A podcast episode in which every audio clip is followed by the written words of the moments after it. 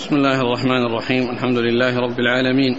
والصلاة والسلام على عبد الله ورسوله نبينا محمد وعلى آله وصحبه أجمعين. أما بعد فيقول الإمام مسلم بن الحجاج القشيري النيسابوري رحمه الله تعالى في صحيحه في كتاب الإيمان يقول حدثنا أبو بكر بن أبي شيبة قال حدثنا عفان قال حدثنا حماد بن سلمة عن ثابت عن أنس رضي الله عنه أن رجلا قال يا رسول الله أين أبي؟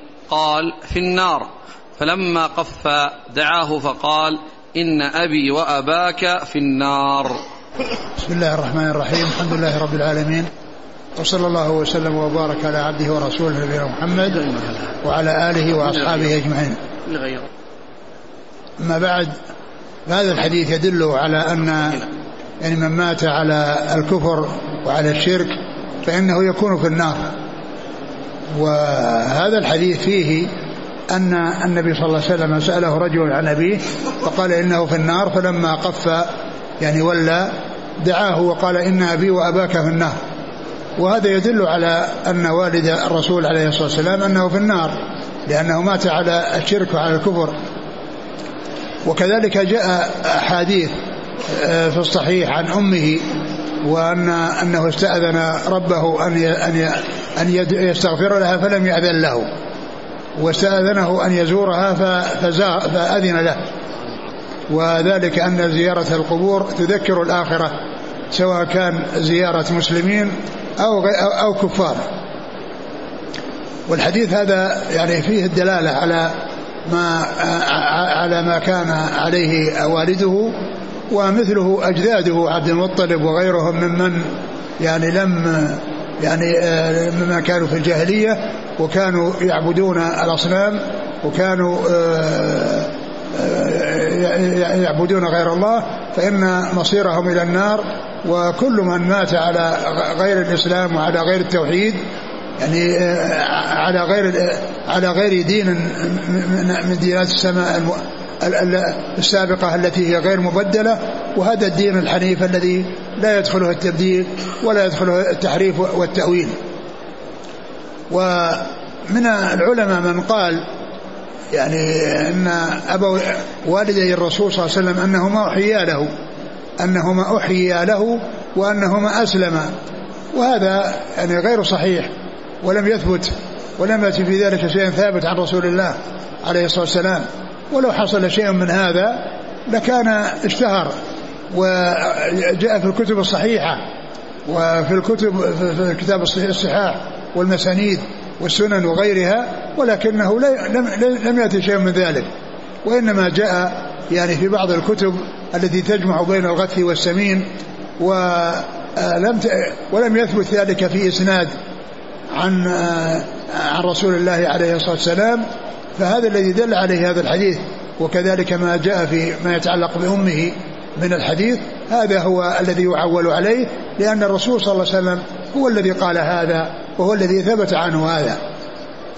وسبق أن كتبت يعني أن, أن بعض أهل البدع في هذا الزمان تكلموا في هذه المسألة وقالوا آه، إن أنهما أحيا له. وأن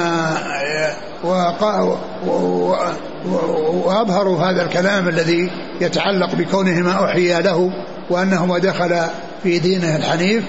وقد كتبت رسالة في الرد على يعني هذا الكاتب اسمها الرد على الرفاعي والبوطي في كذبهما على السنة ودعوتهما إلى البدع والضلال.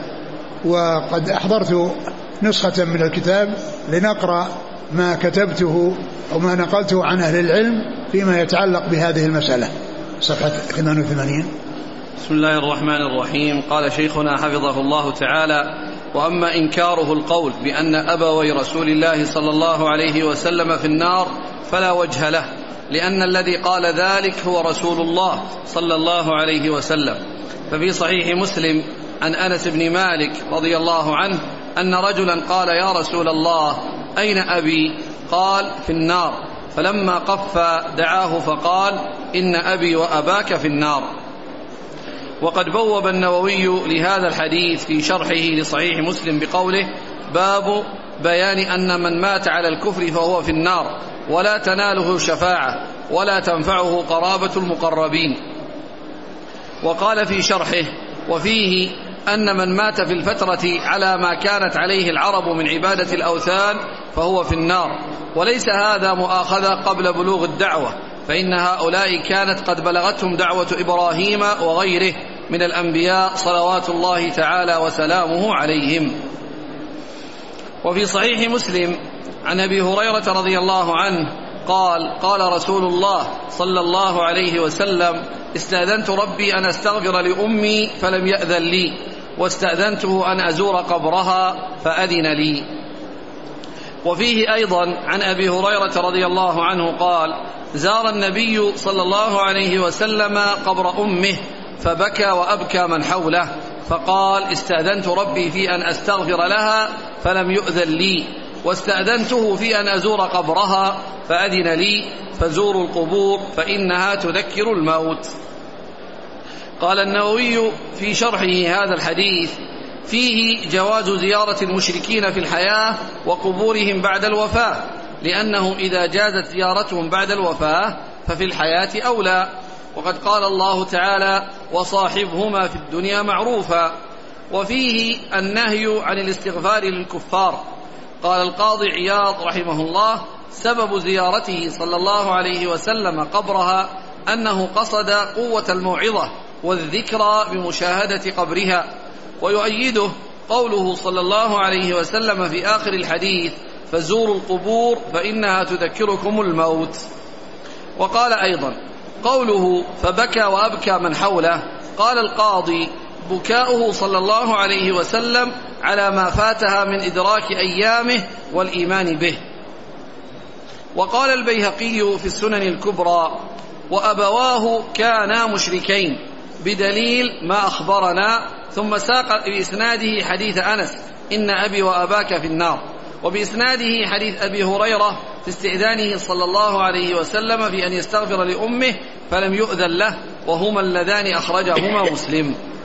وعلى هذا فالثابت عن رسول الله صلى الله عليه وسلم كون أبويه ماتا مشركين وأنهما في النار.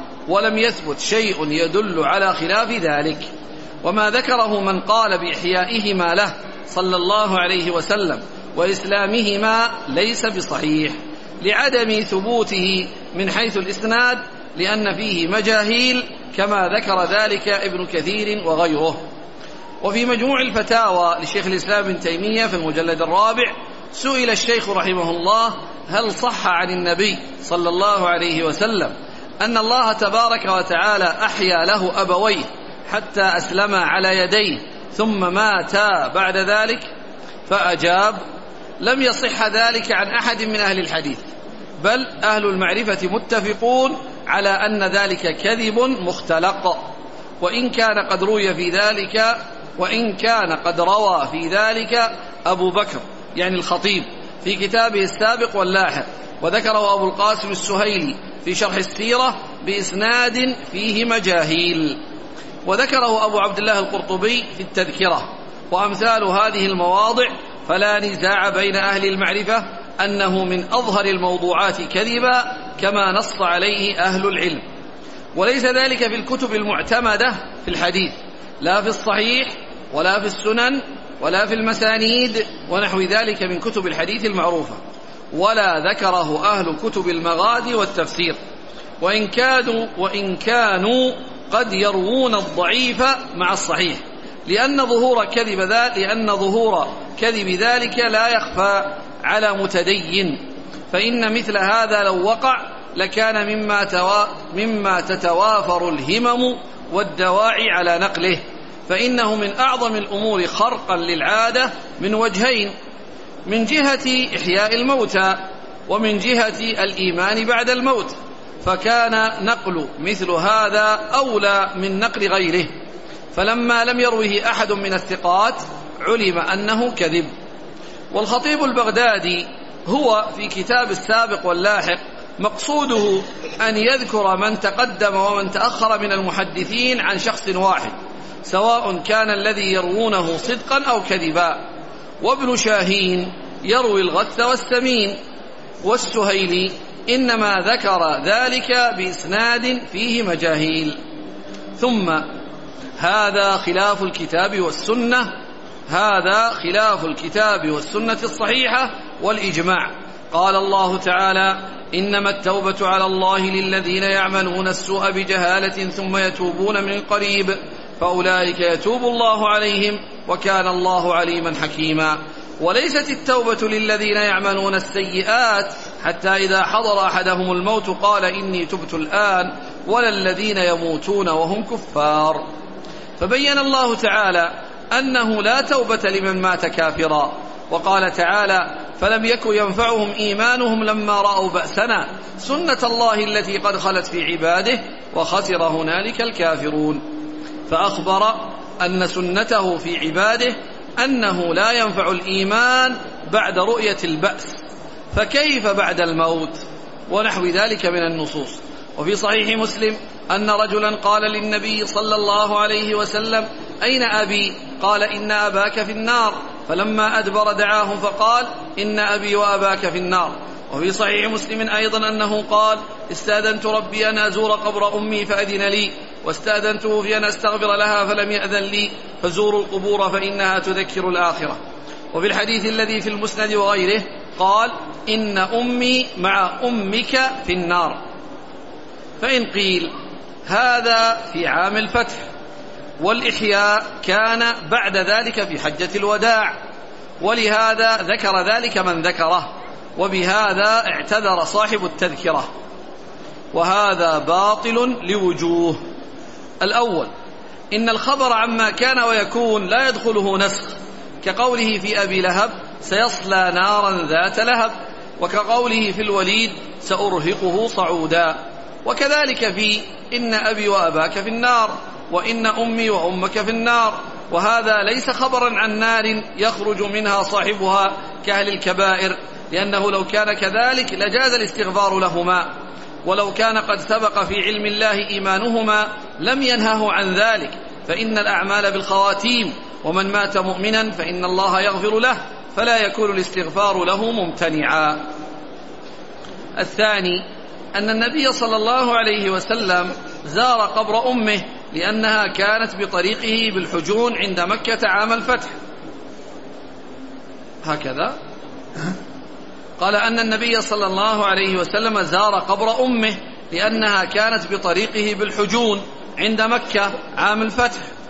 نعم هذا في نفس كتاب التيمي نعم. وأما أبوه فلم يكن هناك ولم يزره إذ كان مدفونا بالشام في غير طريقه فكيف يقال أحيي له؟ الثالث إنهما لو كانا مؤمنين إيمانا ينفع لو كانا مؤمنين إيمانا ينفع كان أحق بالشهرة والذكر من عميه حمزة والعباس. وهذا أبعد مما يقوله الجهال من الرافضة ونحوهم من أن أبا طالب آمن. ويحتجون بما في السيرة من الحديث الضعيف وفيه أنه تكلم بكلام خفي وقت الموت. ولو أن العباس ذكر أنه آمن لما كان قال قال للنبي صلى الله عليه وسلم عمك الشيخ الضال كان ينفعك فهل فهل نفعته بشيء؟ فقال وجدته في غمرة من نار فشفعت فيه حتى صار في ضحضاح من نار في رجليه نعلان من نار يغلي منهما دماغه ولولا أنا لكان في الدرك الأسفل من النار هذا باطل مخالف لما في الصحيح وغيره فإنه كان آخر شيء قاله هو على ملة عبد المطلب وأن العباس لم يشهد موته مع أن ذلك لو صح لكان أبو طالب أحق بالشهرة من حمزة والعباس. فلما كان من العلم المتواتر المستفيض بين الأمة خلفا عن سلف أنه لم يذكر أبو طالب ولا أبواه. في جملة من يذكر من أهله المؤمنين كحمزة والعباس وعلي وفاطمة والحسن والحسين رضي الله عنهم كان هذا من أبين الأدلة على أن ذلك كذب. الرابع أن الله تعالى قال قد كانت لكم أسوة حسنة في إبراهيم والذين معه إذ قالوا لقومهم إنا براء منكم. إلى قوله لا أستغفرن لك لا أستغفرن لك وما أملك لك من الله من شيء. وقال وما كان استغفار إبراهيم لأبيه إلا عن موعدة وعدها إياه فلما تبين له أنه عدو لله تبرأ منه. فأمر بالتأسي بإبراهيم والذين معه إلا في وعد إبراهيم لأبيه بالاستغفار. وأخبر أنه لما تبين له أنه عدو لله تبرأ منه. والله أعلم. وأما تعويل الكاتب على رسائل السيوطي في نجاة الأبوين فجوابه أن السيوطي لم يأتي بشيء ثابت في ذلك يعول عليه. وقد ألف الشيخ علي ملا القاري الحنفي رسالة في الرد عليه وبيان أدلة معتقد أبي حنيفة في ذلك.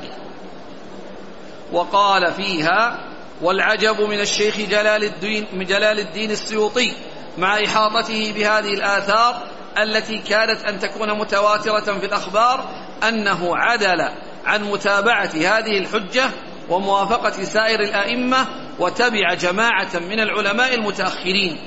وأورد أدلة واهية في نظر الفضلاء المعتبرين منها أن الله سبحانه أحيا له أبويه حتى آمنا به مستدلا بما أخرجه ابن شاهين في الناسخ والمنسوخ والخطيب البغدادي في السابق واللاحق والدار قطني وابن عساكر كلاهما في غرائب مالك بسند ضعيف عن عائشة رضي الله عنها قالت حج بنا رسول الله صلى الله عليه وسلم حجة الوداع فمر بي على عقبة الحجون وهو باك حزين مغتم فنزل فمكث عني طويلا ثم عاد إلي وهو فرح فتبسم فقلت له فقال ذهبت لقبر أمي فسألت الله أن يحييها فآمنت بي وردها الله عز وجل. وهذا الحديث ضعيف باتفاق المحدثين كما اعترف به السيوطي. وقال ابن كثير إنه منكر جدا ورواته مجهولون. ثم كيف يزعم الكاتب أن القول بكون أبوي الرسول صلى الله عليه وسلم في النار فيه إيذاء للرسول صلى الله عليه وسلم وهو مبني على سنة ثابتة عن رسول الله صلى الله عليه وسلم في صحيح مسلم وغيره. بخلاف القول بإحياء الأبوين وإسلامهما وهو الذي عول عليه الكاتب فإنه لم يثبت في السنة عن رسول الله صلى الله عليه وسلم وهو قول على الله ورسوله بغير علم. وقد قال الله عز وجل قل إنما حرم ربي الفواحش ما ظهر منها وما بطن والإثم والبغي بغير الحق وأن تشركوا بالله ما لم ينزل به سلطانا وأن تقولوا على الله ما لا تعلمون. أقول هذا أقول هذا ما يعني ما يتعلق بهذه المسألة والتي فيها ثبوت الأحاديث والتي عول عليها العلماء في صحيح مسلم وغيره وهذا ما يتعلق بالقول الآخر الذي قيل إنه ما أحيي وأنه ما آمن وعاد إلى الموت وبيان يعني ما المستند في ذلك وأنه لم يثبت في ذلك شيء عن رسول الله صلى الله عليه وسلم يعول عليه. نعم. قال حدثنا أبو بكر بن أبي شيبة عن عفان ابن مسلم الصفار. عن حماد بن سلمة عن ثابت بن أسلم البناني. عن أنس. نعم. قال رحمه الله تعالى حدثنا قتيبة بن سعيد وزهير بن حرب. قال حدثنا جرير عن عبد الملك بن عمير عن موسى بن طلحة عن أبي هريرة رضي الله عنه قال لما أنزلت هذه الآية وأنذر عشيرتك الأقربين دعا رسول الله صلى الله عليه وسلم قريشا فاجتمعوا فعم وخص فقال يا بني كعب بن يا بني كعب بن لؤي أنقذوا أنفسكم من النار. يا بني مرة بن كعب أنقذوا أنفسكم من النار. يا بني عبد شمس أنقذوا أنفسكم من النار. يا بني عبد مناف أنقذوا أنفسكم من النار.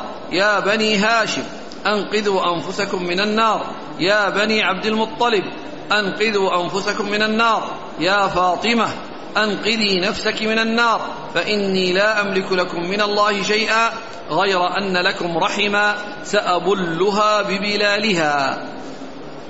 نعم ثم ذكر هذا هذه الأحاديث المتعلقة بنزول هذه الآية وانذر عشيرتك الأقربين وأن النبي صلى الله عليه وسلم بعدما نزلت يعني جمع يعني قبيلته وأقاربه وعمه وخص وذكر آه، من كان بعيدا يعني من أجداده وكذلك من من من دونه وذكر بعد ذلك من كان قريبا منه ثم ذكر بعض أخصائه ومنهم ابنته فاطمة رضي الله تعالى عنها وأن كل واحد عليه أن يشتغل في طاعة الله حتى يسلم من العذاب وأن القرابة مجرد القرابة إذا لم يكن هناك إيمان وانقياد لله ولرسوله صلى الله عليه وسلم فإن ذلك لا يؤثر كما جاء في الحديث. الذي رواه, رواه مسلم في صحيحه قال عليه الصلاة والسلام ومن بطأ به عمله لم يسرع به نسبه. من بطأ به عمله لم يسرع به نسبه. من بطأ به عمل عمل عمله عن دخول الجنة ليس نسبه هو الذي يسرع به إليها. فإن العبرة إنما هي بالأعمال. إنما هي بالأعمال التي تقرب إلى الله عز وجل وليست وليست بالأنساب وليست بالأنساب فالرسول صلى الله عليه وسلم عم وخص وذكر يعني أصنافا يعني من قراباته آه، منهم من كان يعني في جد أعلى ومنهم من كان قريبا منه كعبد المطلب وهاشم وكذلك يعني أقاربه الذين هم ابنته وعمه العباس وغيرهم وصفية كما سيأتي في بعض الأحاديث من أقاربه عمة صفية وعمه العباس وابنته فاطمة وكلهم يرشدهم إلى أن عليهم أن يأخذوا بالأسباب التي آه، تنفعهم عند الله عز وجل وأن يأتوا بالأعمال الصالحة التي تقربهم إلى الله عز وجل زلفى. قال إني لا أملك لكم من الله شيئا.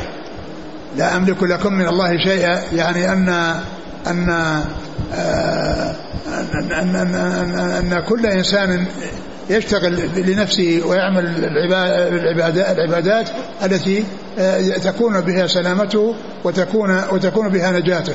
غير أن لكم رحما سأبلها ببلالها يعني أن لهم رحم يصلها. وأما يعني يصلها وأما ما يتعلق بالهداية والاستقامة فإن هذا يكون بفعل بفعل الإنسان وبعمل الإنسان الذي يعمله متقربا به إلى الله سبحانه وتعالى.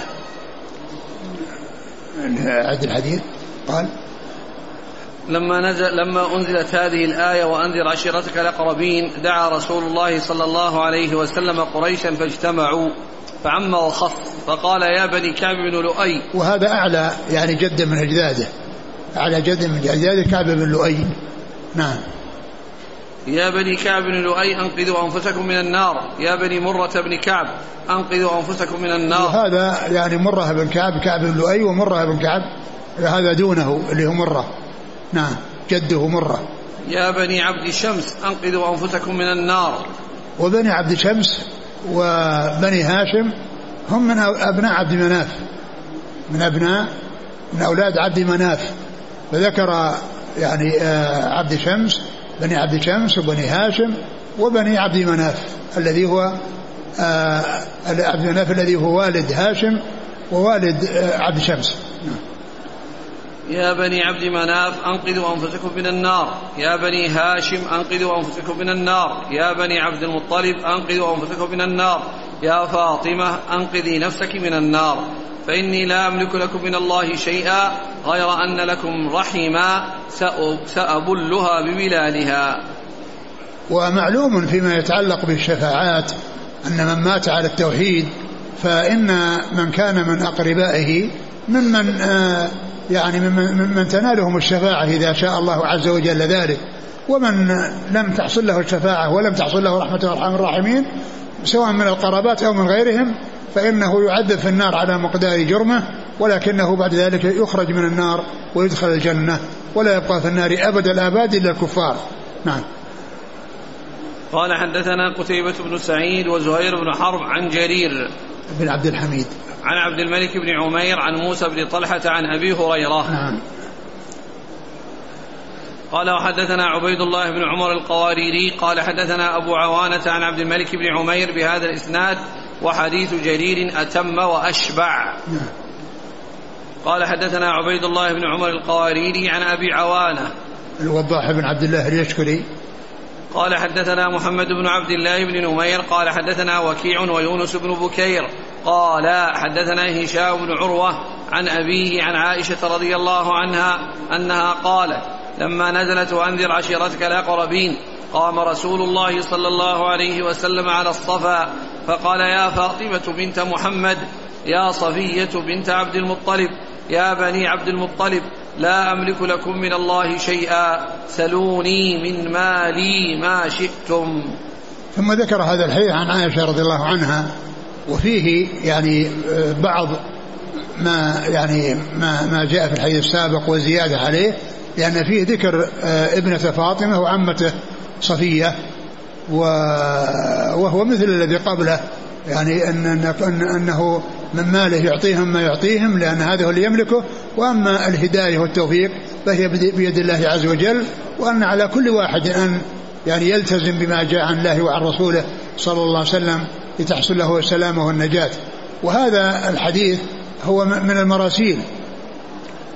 مراسيل عائشة لأنها ما أدركت ذلك الوقت. ما أدركت ذلك الوقت ولكنها يمكن أن سمعته من رسول الله صلى الله عليه وسلم أو سمعته من أبيها أو من غيرهم من الصحابة نعم. قال حدثنا محمد بن عبد الله بن نمير عن وكيع بن الجراح ويونس بن بكير عن هشام بن عروة عن أبيه عن عائشة نعم. يقول السائل لماذا خص فاطمة من بناته مع أنه أكبر من هنا لأن لأن يعني فاطمة هي هي التي بقيت من بناته وكلهن متن في حياته وهي التي بقيت فلعل ذلك في الوقت الذي كانت هي الموجودة وحدها. لكن هذا كلام قبل. ها؟ هذه الآية مكية. آه هو يعني ما يتعلق فاطمة موجودة وصبية موجودة. نعم. قال وحدثني وإنما عائشة هي التي كانت يعني أقول هي التي كانت آه، يعني صغيرة. يعني ما هذه أدركت يعني ذلك الوقت أو أنها يعني آه، آه، أخذته عن عن رسول أو عن أبيها. نعم. لا لا مو كلام كذا. الكلام نعم. الآن الآن رقية أم كلثوم زينب. ألسنا أكبر من فاطمة؟ إلا إلا من هذا الآية يعني الآن كون كون خاصة كون خاص فاطمة أي, أي ما أدري وش الخصوص. لا أدري. قال وحدثني حرملة بن يحيى قال أخبرنا ابن وهب قال أخبرني يونس عن ابن شهاب قال أخبرني ابن المسيب وأبو سلام بن عبد الرحمن أن أبا هريرة رضي الله عنه قال قال رسول الله صلى الله عليه وسلم حين أنزل عليه وأنذر عشيرتك الأقربين يا معشر قريش اشتروا أنفسكم من الله. لا أغني عنكم من الله شيئا. يا بني عبد المطلب لا أغني عنكم من الله شيئا. يا عباس بن عبد المطلب لا أغني عنك من الله شيئا. يا صبية عمة رسول الله لا أغني عنك من الله شيئا. يا فاطمة بنت رسول الله سليني بما شئت لا أغني عنك من الله شيئا. نعم وهذا مثل الذي قبله. قال وحدثني حرملة بن يحيى عن ابن وهب عبد الله عن يونس بن يزيد الأيلي. عن ابن شهاب نعم محمد بن مسلم بن عبد الله. عن ابن المسيب سعيد المسيب. وأبو سلام بن عبد الرحمن نعم. عن أبي هريرة نعم. قال وحدثني عمرو الناقد. قال حدثنا معاوية بن عمرو. قال حدثنا زائدة. قال حدثنا عبد الله بن ذكوان عن الأعرج عن أبي هريرة عن النبي صلى الله عليه وسلم نحو هذا. قال وحدثني عمرو الناقد عن معاوية بن عمرو عن زائدة بن قدامة. عن عبد الله بن ذكوان وهو أبو الزناد. عن ذكره, ذكره هنا باسمه وكثيرا ما يذكره بلقب بلقبه أبو الزناد. أبو الزناد عن الأعرج. لكنه أحيانا يذكره باسمه. والأعرج هنا ذكر بلقبه وهو عبد الرحمن بن هرمز يعني هذا ذكر بلقبه وهذا ذكر باسمه الذي هو الذي هو أبو الزناد. نعم. عن الأعرج عبد الرحمن بن هرمز. عن أبي هريرة. نعم. قال حدثنا أبو كامل الجحدري. قال حدثنا يزيد بن زريع. قال حدثنا التيمي عن أبي عثمان عن قبيصة بن المخارق وزهير بن عمرو. قال لما نزلت وأنذر عشيرتك الأقربين. قال انطلق نبي الله صلى الله عليه وآله وسلم إلى رضمة من جبل. فعلى أعلاها حجرا ثم نادى يا بني عبد مناة إني نذير إنما مثلي ومثلكم كمثل رجل رأى العدو فانطلق يربأ أهله فخشي أن يسبقوه فجعل يهتف يا صباحا. أعد. قال المتن. لما أنزل لما نزلت وأنذر عشيرتك الأقربين قال انطلق نبي الله صلى الله عليه وسلم إلى رضمة من جبل فعلى أعلاها حجرا. رضمة من جبل يعني حجارة يعني فوق جبل وهي أعلى شيء فيه فوقف, فوقف على أعلاها. وقال إني ثم نادى يا بني عبد منافاه نعم. إني نذير إنما مثلي ومثلكم كمثل رجل رأى العدو فانطلق يربأ أهله. فخشي أن يسبقوه. يربأ أهله. يربأ أهله يعني معناه أنه ينظر لهم. ينظر لهم ويكون في مكان عالي يشرف حتى يخبرهم به قبل وصوله قبل أن يدهمهم. فقال إن مثله ومثلهم كمثل من كان كذلك. وأنه نذير وأنه جاء يعني بالنذارة من الله عز وجل بأن آه، يعني ينقذ أنفسهم من النار. وأن يسلموا من عذاب الله بإيمانهم ودخولهم في الإسلام. نعم. فانطلق يربأ أهله فخشي أن يسبقوه فجعل يهتف يا صباحا. يعني يا يا يا يخشى أن أن يدركوه فجعل يناديهم بصوته ويقول يا يا صباحا. نعم. يا صباحا. يعني هذه كلمة يعني آه، تقال لمن آه، يعني آه، أظهر شيئا يعني عظيما ويعني أمرا مهما يريد أن يجتمع الناس من أجله وكان مثل هذا اللفظ كانوا اعتادوه. يعني عندما يراد أن يعني يبين لهم خطورة يعني شيء دهمهم أو قريبا من أنه يعني يدهمهم عدو. نعم. قال حدثنا أبو كامل الجحدري. نعم. الفضيل بن الحسين نعم. عن يزيد بن زريع نعم. عن التيمي وهو سليمان بن طرخان التيمي. عن أبي عثمان وهو عبد الرحمن بن مل. عن قبيص بن المخارق نعم. وزهير بن عمرو. نعم.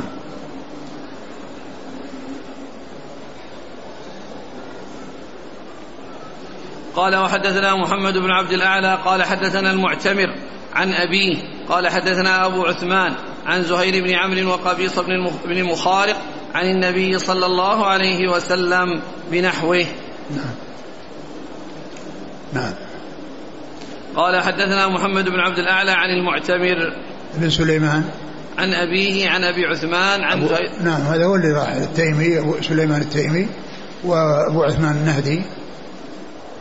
عن زهير بن عمرو وقبيصة بن أبو عثمان النهدي عبد الرحمن بن مل. نعم. نعم. عن الصحابيين. نعم. قال وحدثنا أبو كريب محمد بن العلاء قال حدثنا أبو أسامة عن الأعمش عن عبد بن مرة عن سعيد بن جبير عن ابن عباس رضي الله عنهما أنه قال لما نزلت هذه الآية وأنذر عشيرتك الأقربين ورهطك منهم المخلصين خرج رسول الله صلى الله عليه وسلم حتى صعد الصفا فهتف يا صباحا فقالوا من هذا الذي يهتف قالوا محمد فاجتمعوا إليه فقال يا بني فلان يا بني فلان يا بني فلان يا بني عبد مناف يا بني عبد المطلب. فاجتمعوا إليه فقال أرأيتكم لو أخبرتكم أن خيلا تخرج بسبع هذا الجبل أكنتم مصدقين؟ قالوا ما جربنا عليك كذبا. قال فإني نذير لكم بين يدي عذاب شديد. قال فقال أبو لهب تبا لك. أما جمعتنا إلا لهذا ثم قام فنزلت هذه السورة تبت يدا أبي لهب وقد تب كذا قرأ الأعمش إلى آخر السورة. ثم ذكر هذا الحديث ذكر هذا الحديث الذي فيه آه، في أوله. عن ابن عباس قال لما نزلت هذه الآية قال لما نزلت هذه الآية وأنذر الأقربين ورهطك منهم المخلصين. منهم المخلصين. هذه الجملة يعني جاءت هنا على أنها آية وهي لا توجد في المصحف وقال يعني بعض أهل العلم أنها لعلها من من القرآن الذي نسخت تلاوته من القرآن الذي نسخت تلاوته فلا يوجد في المصحف.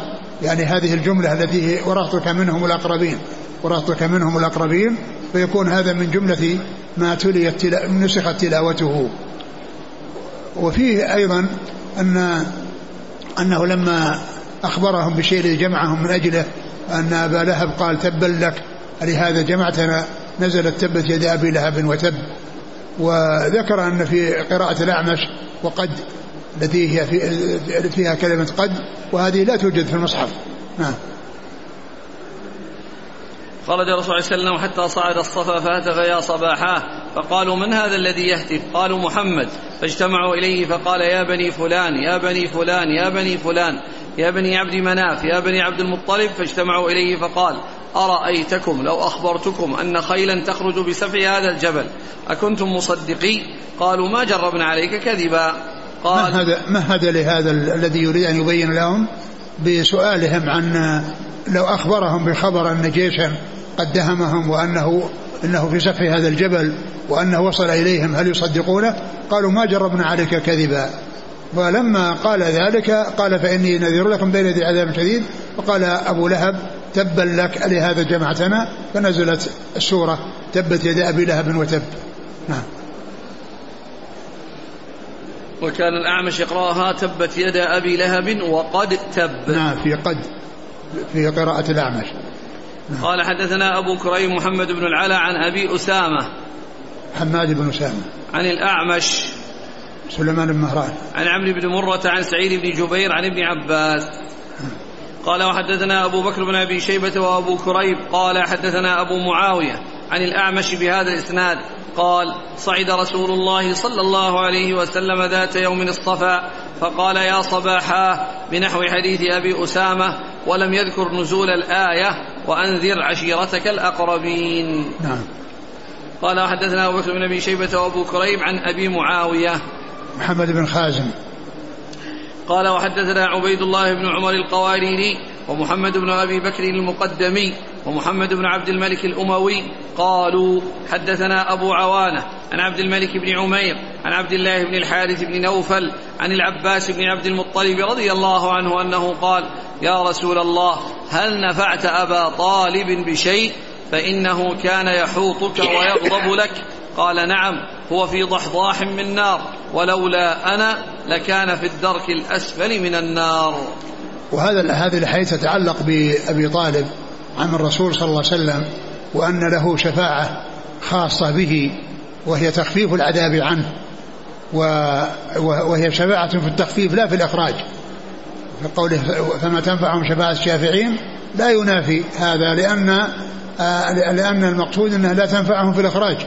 وأما كون بعضهم تنفع في التخفيف فقد ثبت ثبتت السنة المخصصة لهذا العموم في هذه الآية الكريمة وأن أبا طالب عم الرسول صلى الله عليه وسلم شفع له شفاعة خاصة به وهي أن يخفف عنه العذاب.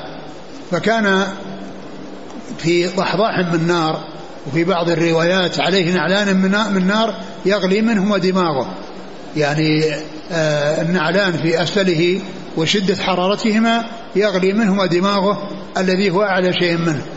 يعني هذا النعلان في أسفله ورأسه الذي هو أعلى شيء منه يغلي دماغه من شدة حرارة هذا الذي هو فيه من العذاب مع أنه أخف أهل النار عذاب.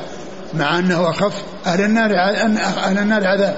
وهو يرى أنه يعني ما في أشد من عذاب. ومع ذلك آه، آه، خفف عنه فصار على هذا الوضع وعلى هذه الحالة التي آه، كان أخف النار وكان بهذه الصفة التي في ضحضة من نار أو في رواية عليه الإعلان من نار يغلي منهما دماغه. نعم. فإذا الرسول هذه من شفاعات الرسول صلى الله عليه وسلم وهي شفاعة خاصة في عمه أبي طالب وهي شفاعة في التخفيف لا في الإخراج. الكفار لا يخرجون من النار.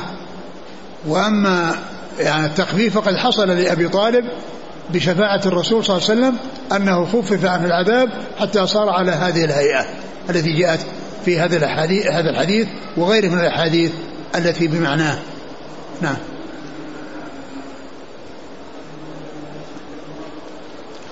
قال وحدثنا عبيد الله بن عمر القواريري ومحمد بن أبي بكر المقدمي وعن محمد بن عبد الملك الأموي. قالوا حدثنا أبو عوانة عن عبد لكن الملك يعني هذا ما تنفعهم شفاعة الشافعين يقال إنها يعني في آه، في, في التخفيف لا في الإخراج. لكن الآية التي والذين كفروا لهم نار جهنم لا يقضى عنهم فيموتوا ولا يخفف عنهم من عذابها هذه التي فيها التخفيف لأن هنا لا يخفف وجاء في هذا الحديث حصول التخفيف فيكون مستثنى من من من العموم في هذه الآية. نعم. عن أبي عوانة عن عبد الملك بن عمير عن عبد الله بن الحارث بن نوفل عن العباس بن نعم. عبد المطلب. نعم. قال لكان في الدرك الأسفل من النار. يعني لكان في الدرك الأسفل من النار يعني أنه يعني في في في دركات النار. أنه في في في, في دركات النار. ومعلوم أن الدرك الأسفل من النار فيه المنافقين كما قال الله عز وجل إن المنافقين في الدرك الأسفل من النار. والرسول بين أنه يعني في الدرك الأسفل من النار وذلك أن الحجة قامت عليه ويعني ظهرت له ومع ذلك ما حصلت له الهداية وما حصل له الدخول في هذا الدين الحنيف. ولكنه صار بهذا العذاب الذي يعتبر خفيفا مع أنه آه، عنده آه، أشد عذاب.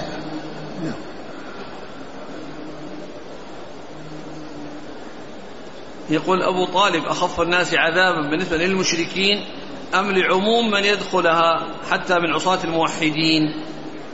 آه، بالنسبة للكفار هو كافر ولكنه لعموم المشركين هو أخفهم هو أخفهم عذاب. أما بالنسبة للموحدين هل يعني يحصل لهم عذاب أشد منه أو أو مثله أو أخف؟ الله أعلم. قال حدثنا لكن يمكن عموم قول أهل النار أنه يعني يشمل كل من دخل النار. نعم. أو أنه يعني يكون آه بعد خروج هؤلاء يعني اللي هم آه أهل الشفاعة والذين هم موحدون يعني يكون أخف آه من من يبقى في النار من الكفار الذين يعني يخرج المؤمنون منهم بالشفاعات وبرحمة الله عز وجل فلا يبقى إلا الكفار فيكون هو أخف الكفار عذابا. قال حدثنا قال حدثنا ابن أبي عمر قال حدثنا سفيان عن عبد الملك بن سفيان؟ نعم. قال حدثنا سفيان عن عبد الملك بن عمير عن عبد الله بن الحارث قال سمعت العباس رضي الله عنه يقول قلت يا رسول الله إن أبا طالب كان يحوطك وينصرك فهل نفعه ذلك؟ قال نعم. وجدته في غمرات من النار فأخرجته إلى ضحضاح. نعم. قال حدثنا ابن أبي عمر العدني. عن سفيان بن عيينة. عن عبد الملك بن عمير عن عبد الله بن الحارث عن العباس. قال وحدثنيه محمد بن حاتم. قال حدثنا يحيى بن سعيد عن سفيان. قال حدثني عبد الملك بن عمير. قال حدثني عبد الله بن الحارث. قال أخبرني العباس بن عبد المطلب رضي الله عنه. حاء قال وحدثنا أبو بكر بن أبي شيبة قال حدثنا وكيع عن سفيان بهذا الإسناد عن النبي صلى الله عليه وسلم بنحو حديث أبي عوانة. نعم. قال وحدثني محمد بن حاتم عن يحيى بن سعيد قطان. عن سفيان الثوري. قال حا وحدثنا أبو بكر بن أبي شيبة عن وكيع عن سفيان. نعم. قال وحدثنا قتيبة بن سعيد قال حدثنا ليث عن ابن الهاد عن عبد الله بن خباب عن أبي سعيد الخدري رضي الله عنه أن رسول الله صلى الله عليه وسلم ذكر عنده عمه أبو طالب فقال لعله تنفعه شفاعتي يوم القيامة فيجعل في ضحضاح من نار يبلغ كعبيه يغلي منه دماغه. نعم. قال حدثنا قتيبة بن سعيد عن ليث. بن سعد عن ابن الهاد. وهو, وهو عبد الله وهو وهو يزيد بن عبد الله بن أسامة بن الهاد. نعم. عن عبد الله بن خباب عن أبي سعيد الخدري. نعم. قال حدثنا قال رحمه الله تعالى حدثنا أبو بكر بن أبي شيبة. قال حدثنا يحيى بن, بك... بن أبي بكير. قال حدثنا زهير بن محمد عن سهيل بن أبي صالح عن النعمان بن أبي عياش عن أبي سعيد الخدري رضي الله عنه أن رسول الله صلى الله عليه وسلم قال إن أدنى أهل النار عذابا ينتعل بنعلين من نار يغلي دماغه من حرارة نعليه نعم. يعني جاء, جاء ما يبين أنه أبو طالب. نعم. قال حدثنا أبو بكر بن أبي شيبة عن يحيى بن أبي بكير عن زهير بن محمد عن سهيل بن أبي صالح عن النعمان بن أبي عياش عن أبي سعيد الخدري. قال وحدثنا أبو بكر بن أبي شيبة قال حدثنا عفان قال حدثنا حماد بن سلمة قال حدثنا ثابت عن أبي عثمان النهدي عن ابن عباس رضي الله عنهما أن رسول الله صلى الله عليه وسلم قال أهون أهل النار عذابا أبو طالب وهو منتعل بنعلين يغلي منهما دماغه. نعم. قال وحدثنا محمد بن المثنى وابن بشار واللفظ لابن المثنى.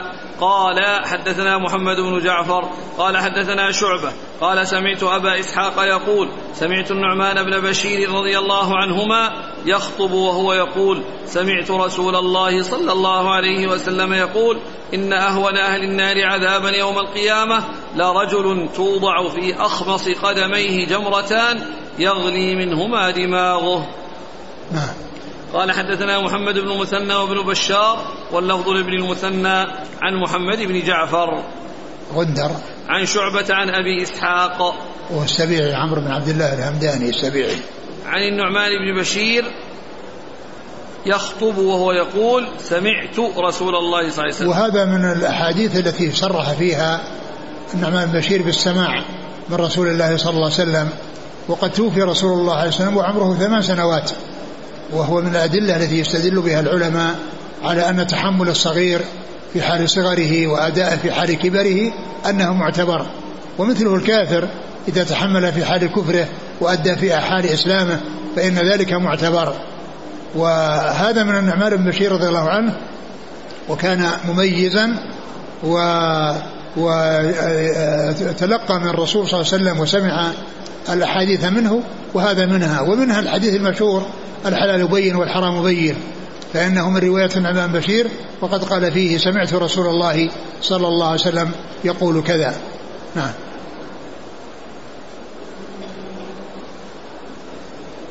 قال وحدثنا أبو بكر بن أبي شيبة قال حدث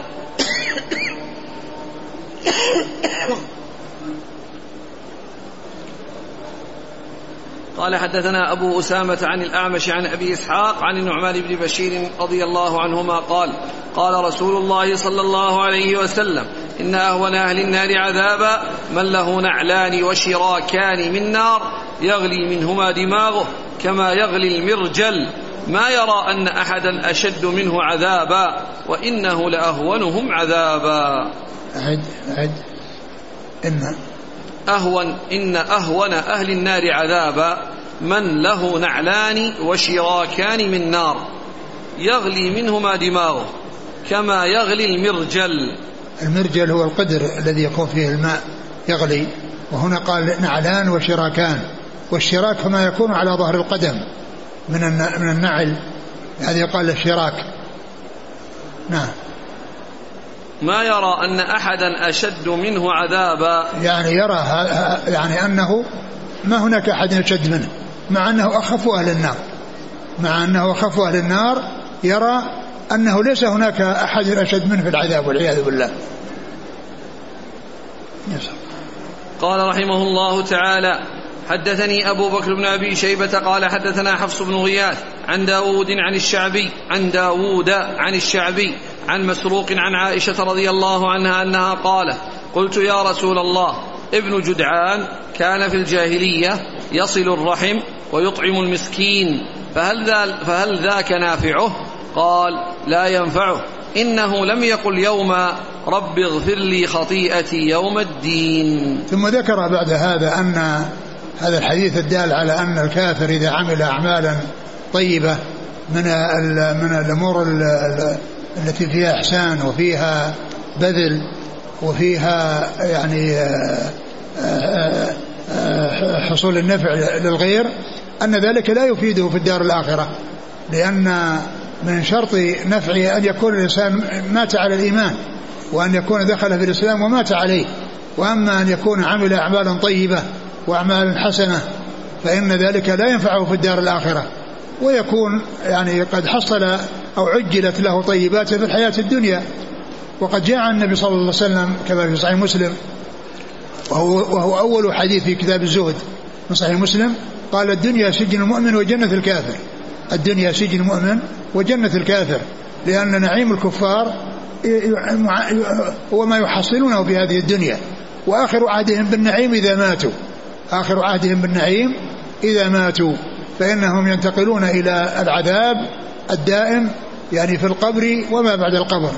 يعني يعذبون في قبورهم كما قال الله عز وجل عن آل فرعون أما يعرضون عليها غدوا وعشيا ويوم تقوم الساعة أدخلوا آل فرعون أشد العذاب. يعني فهم في عذاب في النار في قبورهم وبعد البعث والنشور ينتقلون من عذاب شديد إلى إلى إلى إلى عذاب أشد.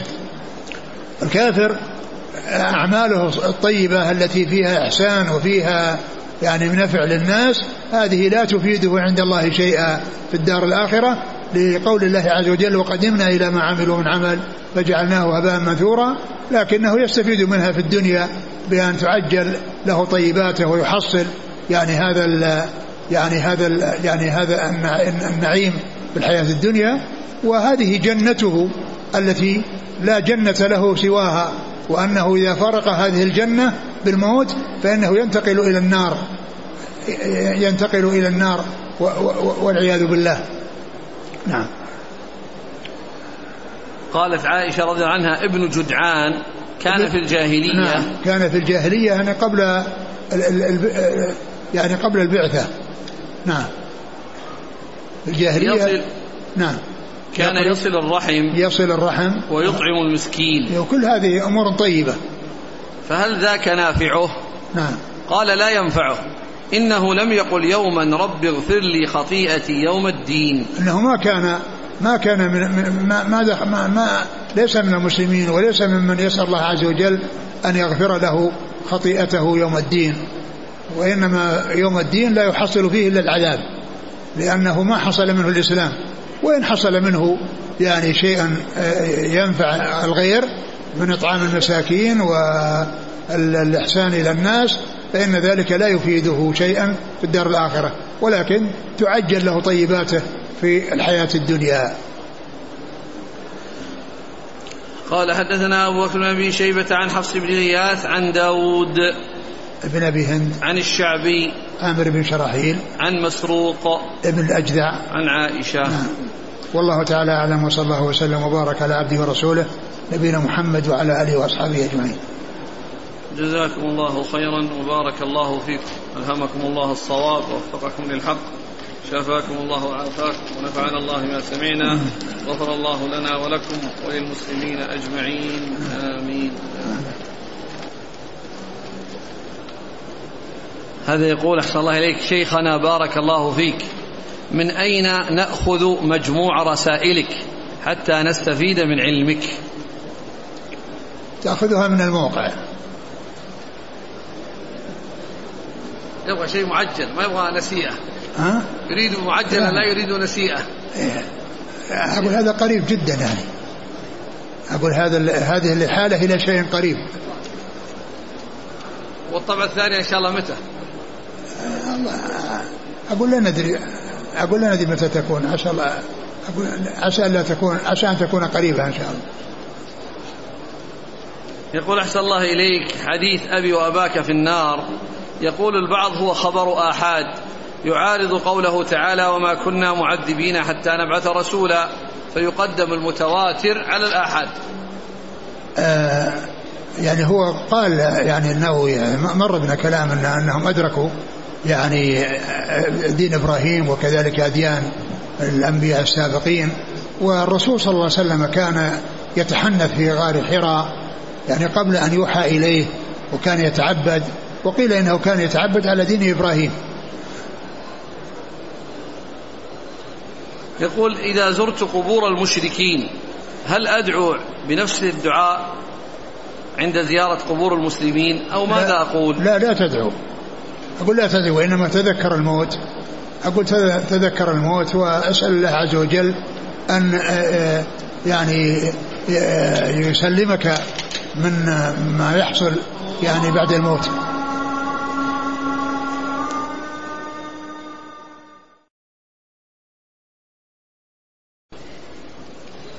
نعم.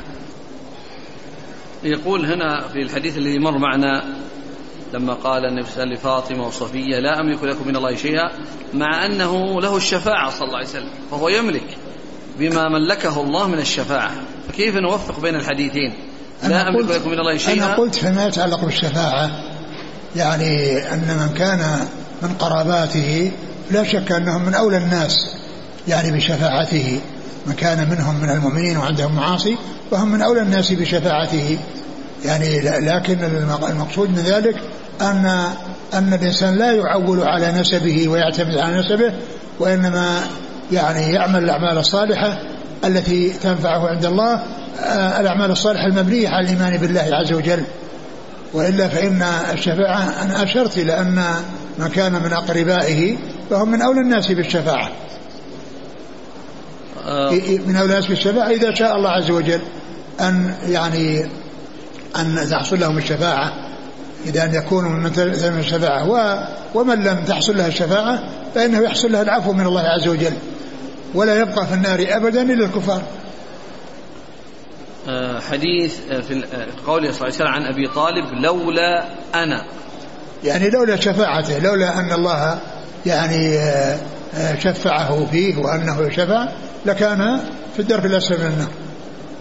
يعني الآن قضية يعني إرجاع السبب إلى الإنسان وليس إلى الله ثم مثلا لا هو هو هو كما هو عليه هو من الله. هو يقول يعني لولا أنا يعني بشفاعتي عند الله وأن هذا الذي حصل له من الله بشفاعته صلى الله عليه وسلم.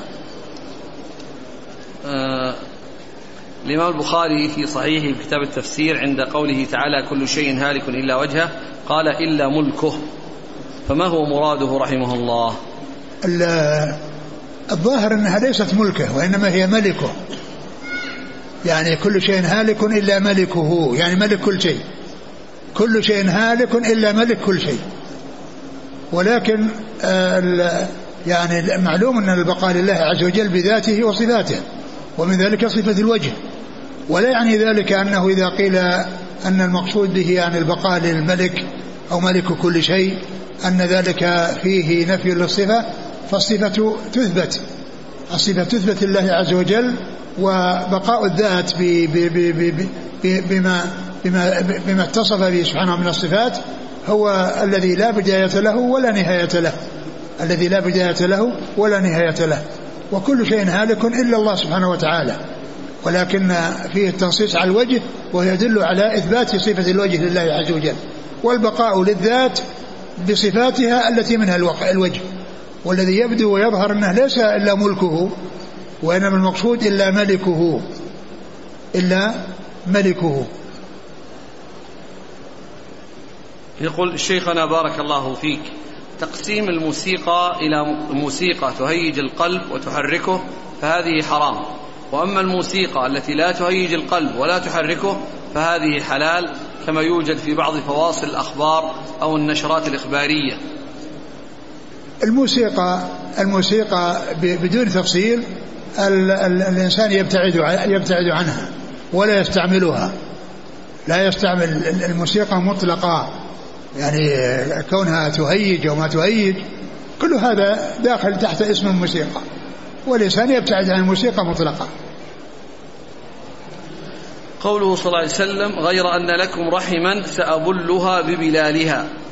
هل يستفاد منه عدم جواز يعني هجر الأقارب خاصة إذا كان عندهم بدع وربما تكون بدعة مغلظة؟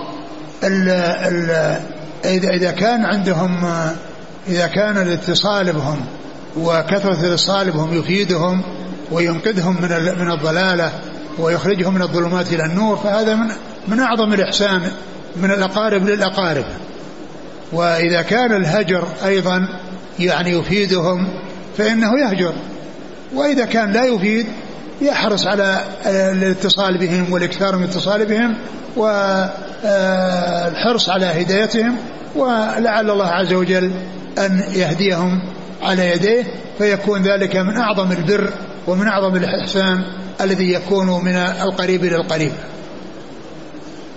يقول ما هو نصاب الفضة المسموح به للرجال؟ ما هو إيش؟ نصاب الفضة ما مقدار الفضة التي يجوز أن يلبسها الرجل. يعني الشيء اليسير مثل الخاتم. الشيء اليسير مثل الخاتم.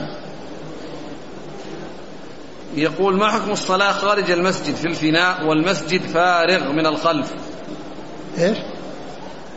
ما حكم الصلاة خارج المسجد في الفناء في, الحوش في ساحات المسجد؟ أيوة. والمسجد فارغ من الخلف. الرسول عليه الصلاة والسلام قال تقدموا فأتموا بي وليأتم بكم من بعدكم ولا يزال قوم يتأخرون حتى يؤخرهم الله.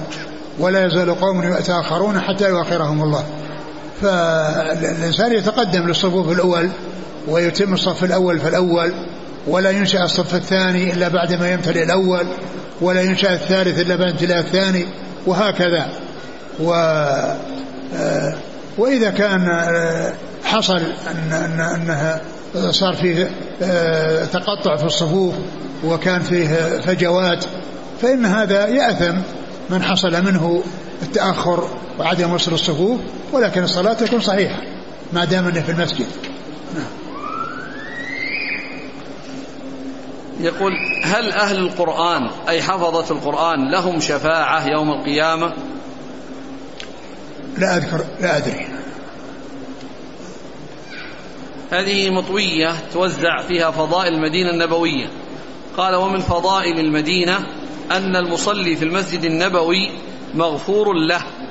لقوله صلى الله عليه وسلم وأنه لا يأتي هذا المسجد أحد لا يريد إلا الصلاة فيه إلا خرج من ذنوبه كيوم ولدته أمه. رواه أحمد والنسائي هكذا كتب. رواه أحمد والنسائي وصححه الألباني. هذا إيش إيش رقمه؟ إيش رقم الحديث؟ ما في رقم. ما يكفي ما يكفينا انه يقال هكذا وأنه موجود في كذا. ما أكثر ما يعني يكون الكلام يعزى وإذا بحث عنه ما يوجد. فهذا الذي ذكر هذا الشيء اولا يعني يدلنا على مكانه وعلى رقم الحديث عند النسائي وعند وعند أحمد. يقول بارك الله فيك هل يجوز عيادة الساحر من الأقارب في مرض موته؟ وهل يجوز حضور جنازته بعد موته والترحم عليه؟ إذا كان زيارته من أجل هدايته ويعني إنقاذه من من الظلمات إلى النور فهذا مطلوب.